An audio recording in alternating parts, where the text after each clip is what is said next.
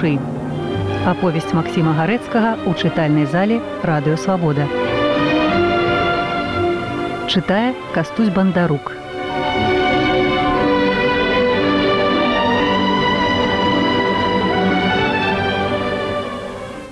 Белы тварык з бліскучымі чорнымі вачмі і пасмачкамі, а ў тых вачох радасна вясёлы ціхі смех. Вось гэткая Аля Макасеева, старэйшая дачушка энска дамаўласніка, што нажыў за вайну вялікія мільёны. Апошнія два гады Макасеі з пачатку вясны і да астатніх дзён сезону жылі на каўказскіх курортах. А з прыгоды рэвалюцыі і голаду УН стары Макасей, хаця ж сам бавіў найболей УН, надумаўся купіць у пяцігорску ці кіславодску дом і пакінуць там сям'ю сваю на ўсю зіму. Пад канец сезону курорт быў бязлюдны, а ў небыццё свайго старога мадам Макасеіха ад нуды ахвотна запрашала да сябе афіцэраў, што лячыліся там. Не бачыла на ў тых знаёмствах нічога асаблівага і старалася толькі бавіць сябе і сваю капрысную супярэчніцу алечку. Часам пісала ў лязарет пісульку, рыхтавала стол з фруктамі, віном і папяросамі, і моладзь уз'яўлялася скакаць і весяліцца, піць і есці. Алечка летуцела быць балярынаю, танцавала многа і з вялікай прыемнасцю, а матулька бавіла час на бальконе ў гутарках з князем гальшанскім, который не любіў сябраваць з афіцэрамі проста роду, дзеля таго, што яны зазвычай недобра ўзгадаваны. Чорная маленькая мецінка, падобная да бародаўкі на верхняй губе збоку, не магла змякчыць яго грэблівай замкнутасці, а давала нават часам выгляд дурнаватай здаволенай пышнасці. Князь не хаваўся, што не люб яму абдзіраловіч, другі паўсюдны гасцявальнік макасеўскага дому, а той чуў да князя тое самае. памятаў ліпнёвую ноч у купе, як князь еў парасё, І калі ў прысутнасці князя маці дражніла алечку абдзіраловічам, казала, што дзяўчына трызніць ім ува сне і ўяве і клоніцца яму быццам Богу, гвардзеец быў маўклівы, уважаў, што за нудою і так ужо вельмі рызыкоўна бярэць у апар сваіх знаёмых нежаданы элемент. Аля яшчэ ніколі бадай не кахала і не ведала, ці так наагул кахаюць, як яна абдзіраловіча. Яны даўно сказаліся сабе, што любяцца і згаварыліся чакаць да налецця. Яна ж спадзявалася, што незабавам прыедзе бацька, вельмі хацела паведаць старому радасную тайну сваю і пахваліцца ігналікам. Болей нікому не імела яна веры. Ігналік павінен быў спадабацца міколу Мартынавічу, яна была ў гэтым пэўна. Аднойчы абдзіраловіч распачаў гутарку аб яе паглядах на паходжанне з роду, багацця і як уважае палітычныя пытанні.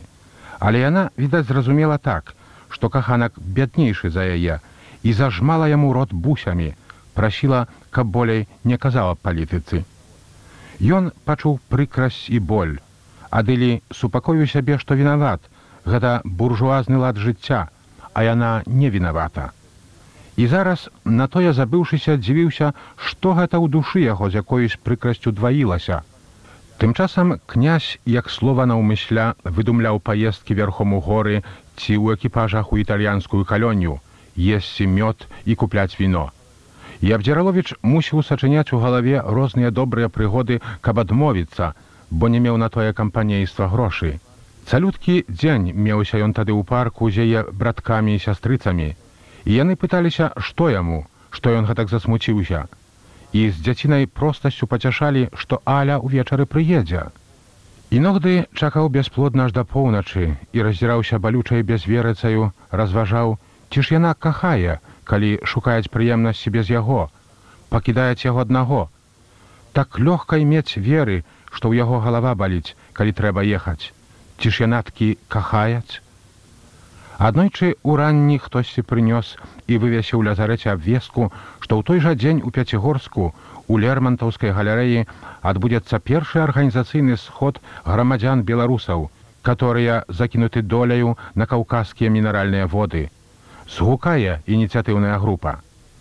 І Абдзіраловіч з недаўменнасцю прачытаў сярод другіх салдацкіх і афіцэрскіх подпісаў князь гальшанскі.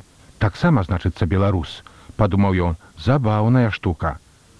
А быў сам несвядомы і хоць горача любіў бацькаўшчыну, але з якоюсь недавернасцю думаў аб руху адраджэння, аб якім некалі чуў краем вуха.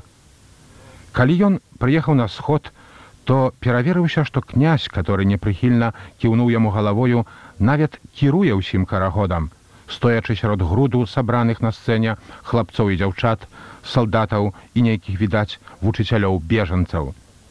Збіраліся беларусы надта ж неакуратна і марудна. А ўрэшце панайшло дужа многа украінцаў, а потым прырынуў вялікі натоўп бежанцаў горадзенскай губерні, старых і дзяцей, дзяўчат і баб.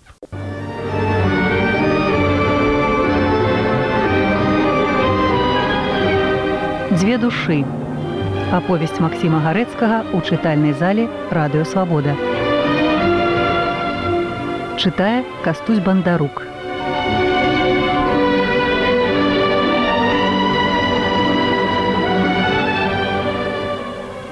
З першаю прамоваю па-руску выступіў князь гаршанскі. Ён салідна казаў аб тым, што ён любіць і што ўсім трэба любіць забытую, пакінутую намі няшчасную матку белую русь, бо цяпер усе самаазначаюцца. Запрашаў да працы і еднасці, каб забыліся на ўзаемныя крыўды з боку паноў і мужикоў. Не можна было зразумець, які чарвяк тут найпільней яго точыць, але нічога. Выступалі хворыя салдаты і нясмелыя, але заядлыя вучыцялі. Гарачых слоў было сказано шмат. У нас, беларусов, нет класавай барбы, смачным зычным голосам прогалашаў князь у заканчальной промове. Нет ее, не должно быть и не будет. Мы все от пана до Степана, как говорится, будем стоять заодно. Тесный союз с Россией и законное наделение малоземельных крестьян землею. Так казаў князь, і а ніхто з прысутных, ахвяруючы ў ва імя бацькаўшчыны не пярэчыў яму, калі быў і нязгодны. Абдзіраловіч чуў, што сэрца ў яго тыхаяць як молат. І раптам щось падхапіла яго і занясло на трыбуну. Абурлівым гняўлівым голасам, надаючы шмат страснай шчырасці і глядзячы ў бок у бога і бежанскай масы, казаў ён у яе роднай мове, на якую не паспеў яшчэ забыцца, казаў усё страшней і страшней. Вашых бацькоў паны забівалі бізунамі і мянялі на заморскіх сучак і прадавалі як быдла. Вашых матак гвалтавалі панічы. З вас самых высмактвалі кроў. За бярозавую хлабасцінку з панскага лесу вас гнаілі ў турмах. Князь старшыня патроху бялеў. Заля знямела і занзіла ў прамоўцу тысячы бліскучых вачэй. І цяпер вам кажуць, у вас няма змагання клясаў перад агульным ворагам, О не, яно ёсць! Высокай хваравітай звінячай нотаю крыкнуў ён. Бачыў як з туману выходзіць абраз алі. Яна едзе ў горы з маткаю князем пакідаюць яго. Яно ёсць гэтае змаганне. Яно павінна быць. Хто яго не прызнае той не ведае холаду голаду. А вы вы падзівуйцеся на сябе і ўздумайце што было вы бедны убогі дзеці вашыя галодны няшчасны і тысячы крыжоў укапалі вы па дарозе, уцякаючы з бацькаўшчыны. Ён чуў, што кажа зусім не тое, што меўся казаць, што словы і рвуцца без парадку, без яго поўнай волі, а гаварыў, гаварыў доўга. Адылі быў гром вопляскаў, галасы плак нейкай бабулькі, прамова перарвалася. Салдаты пакінулі князя і абгуртавалі яго, быццам абіралі так на свайго глаўнага князь збялелы як папера, але замкнуты і маўклівы, горды, нервова барабаніў па сталу пальцамі. Сход гудам гудзеў. На другі дзень ён не сустрэўся за аляю. Яна паехала з маткай на станцыю мінеральныя воды, чакалі, што прыедзе мікола Мартынавіч. У парку абдзіраловіч знайшоў макасеўскую няньку з дзецьмі і нейкі час пабыў з імі. Малодшы хлопчык паміж гутаркі аб прыязджанню татулькі сказаў: « А наш татулька вельмі не любіць таварышаў, і князь кажа, што яны хуліганы. Калі падрасцеш і пачнеш цяміць усё сам, дык пабачыш валя, што гэта можа быць не зусім так. А чаму вы іх абараняеце?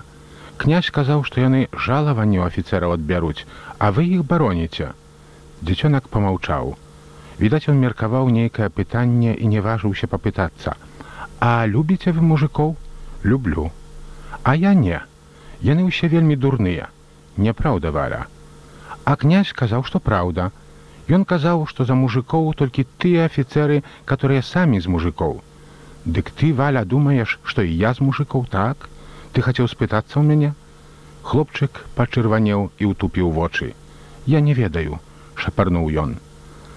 А мікола Мартынавіч не прыехаў і матка з аляю зрабілі на другі дзень невялічкую вечарынку. Пры сустрэчы паміж слоў запрасілі абдзіраловіча, але ён пасля вячэры забавіўся ў лязарэце. У страўні да яго падсеў вайсковы чыноўнік, вядомы латыскі актор мастак, хворы на сухоты, звычайна негаварлівы надта чалавек. Ён пачаў распытвацца аб учарашнім сходзе беларусаў, запрасіў прапаршчыка да сябе ў палату, частаваў кавуном і вінаградам і даткнуўся яго палітычных паглядаў. Вы з пэўнасцю спачуваеце бальшавіком, спытаўся ён. Не, адказаў абдзіраловіч па шчырасці. Мне не імецца веры ў магчымасць існавання самастойнай улады радаў нашага пралетарыяту.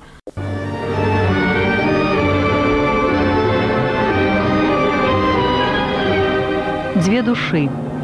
Аповесць Масіма Гарэцкага ў чытальнай зале радыёвабода. Чытае кастусь бандарук.